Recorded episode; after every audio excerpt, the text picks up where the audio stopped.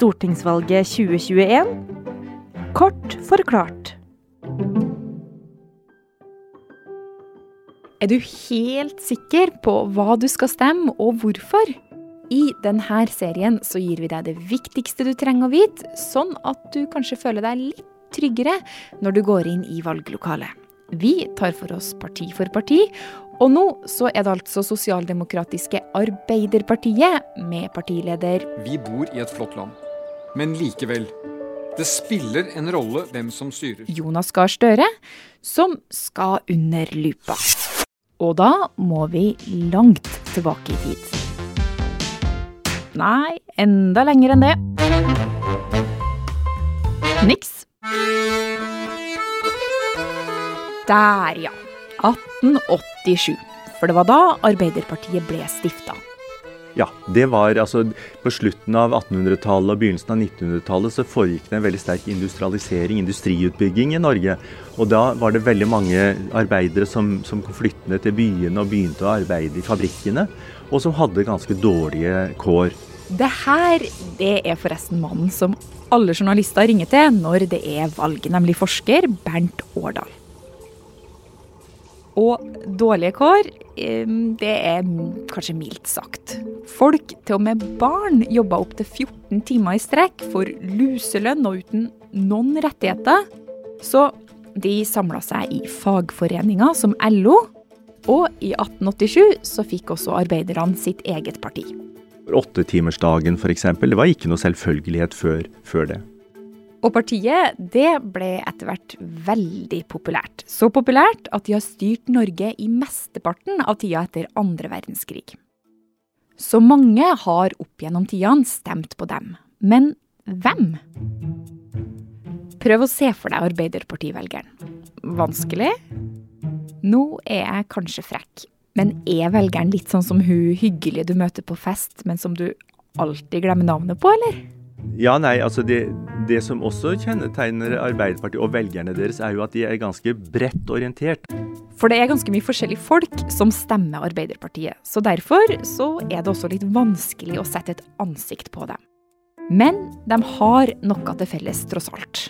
Nei, de er jo veldig opptatt av sånne ting som eldreomsorg, helsevesen, sosial utjevning, for så vidt også skole og utdanning. De er også opptatt av eh, at det skal være et eh, rettferdig skattesystem. Altså at man skal på en måte beskatte de rike mer enn de som har mindre osv. Så, videre.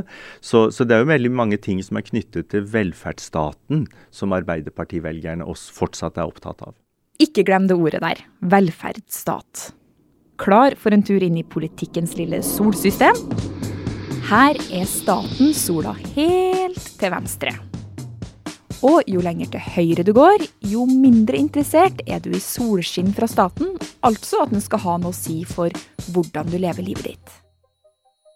Så det betyr at partiene til venstre ofte er veldig opptatt av det ordet jeg nettopp ba deg huske, nemlig velferdsstaten.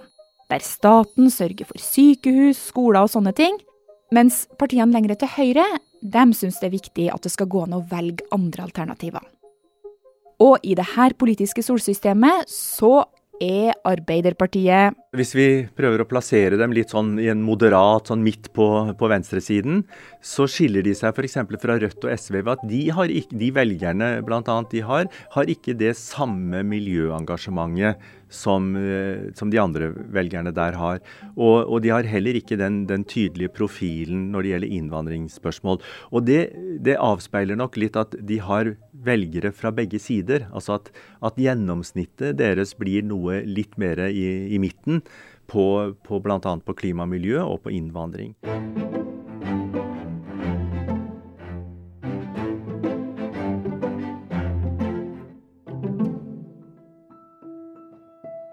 Og nå er det jo valg, og hvert år så bruker Arbeiderpartiet, som alle andre partier, å vise seg fram med noen få saker.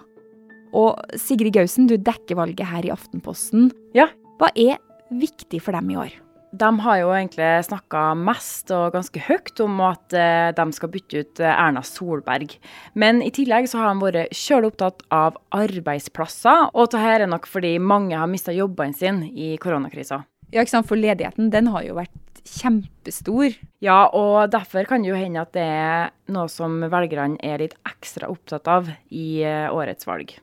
Arbeiderpartiet de vil òg foreta det de kaller en storrengjøring i arbeidslivet, for å få flere hele og faste stillinger.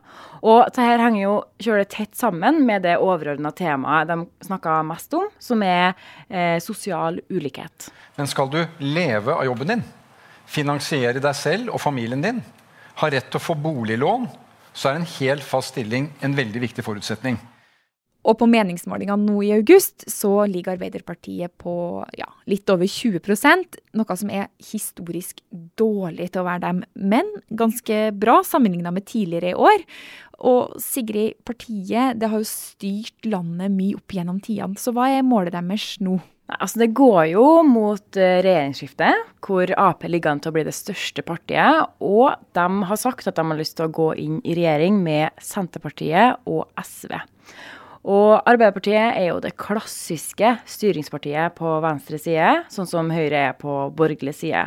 Og de har egentlig bare lyst til å fortsette å være det partiet som eh, bestemmer mest om de kommer i regjering.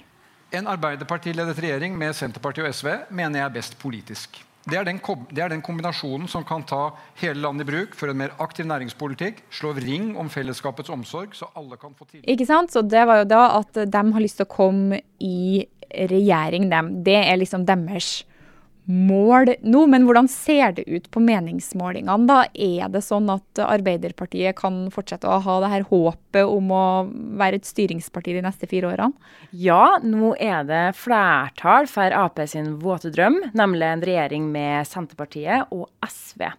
Men det er ikke sikkert at det kommer til å skje, fordi Senterpartiet er ikke interessert i å ha med SV på laget. Eh, de vil bare styre i len med Arbeiderpartiet.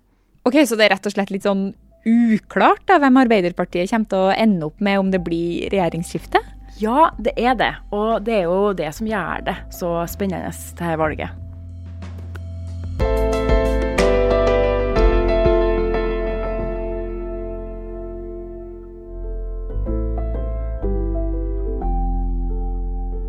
Men eh, nok politikk nå interessert i litt sladder, sånn helt til slutt? Ja, tenkte meg det, ja. For visste du at Jonas Gahr Støre er en av Stortingets rikeste, og at dama han er gift med, er tremenningen til Trygve Slagsvold Vedum? Nå vet du det i hvert fall. I neste episode så møter vi noen som har sittet i regjering nå i to og et halvt år. Du, jeg drikker ikke alkohol. Det har jeg aldri gjort. Det hender jo jeg angrer på ting jeg gjorde kvelden før uansett, da, men uh... Stortingsvalget Kort forklart er laga av Fride Nesten Onsdag, med Marit Eriksdatter Gjelland og Guri Leiel Skedsmo. Du har hørt lyd fra VG og Arbeiderpartiet.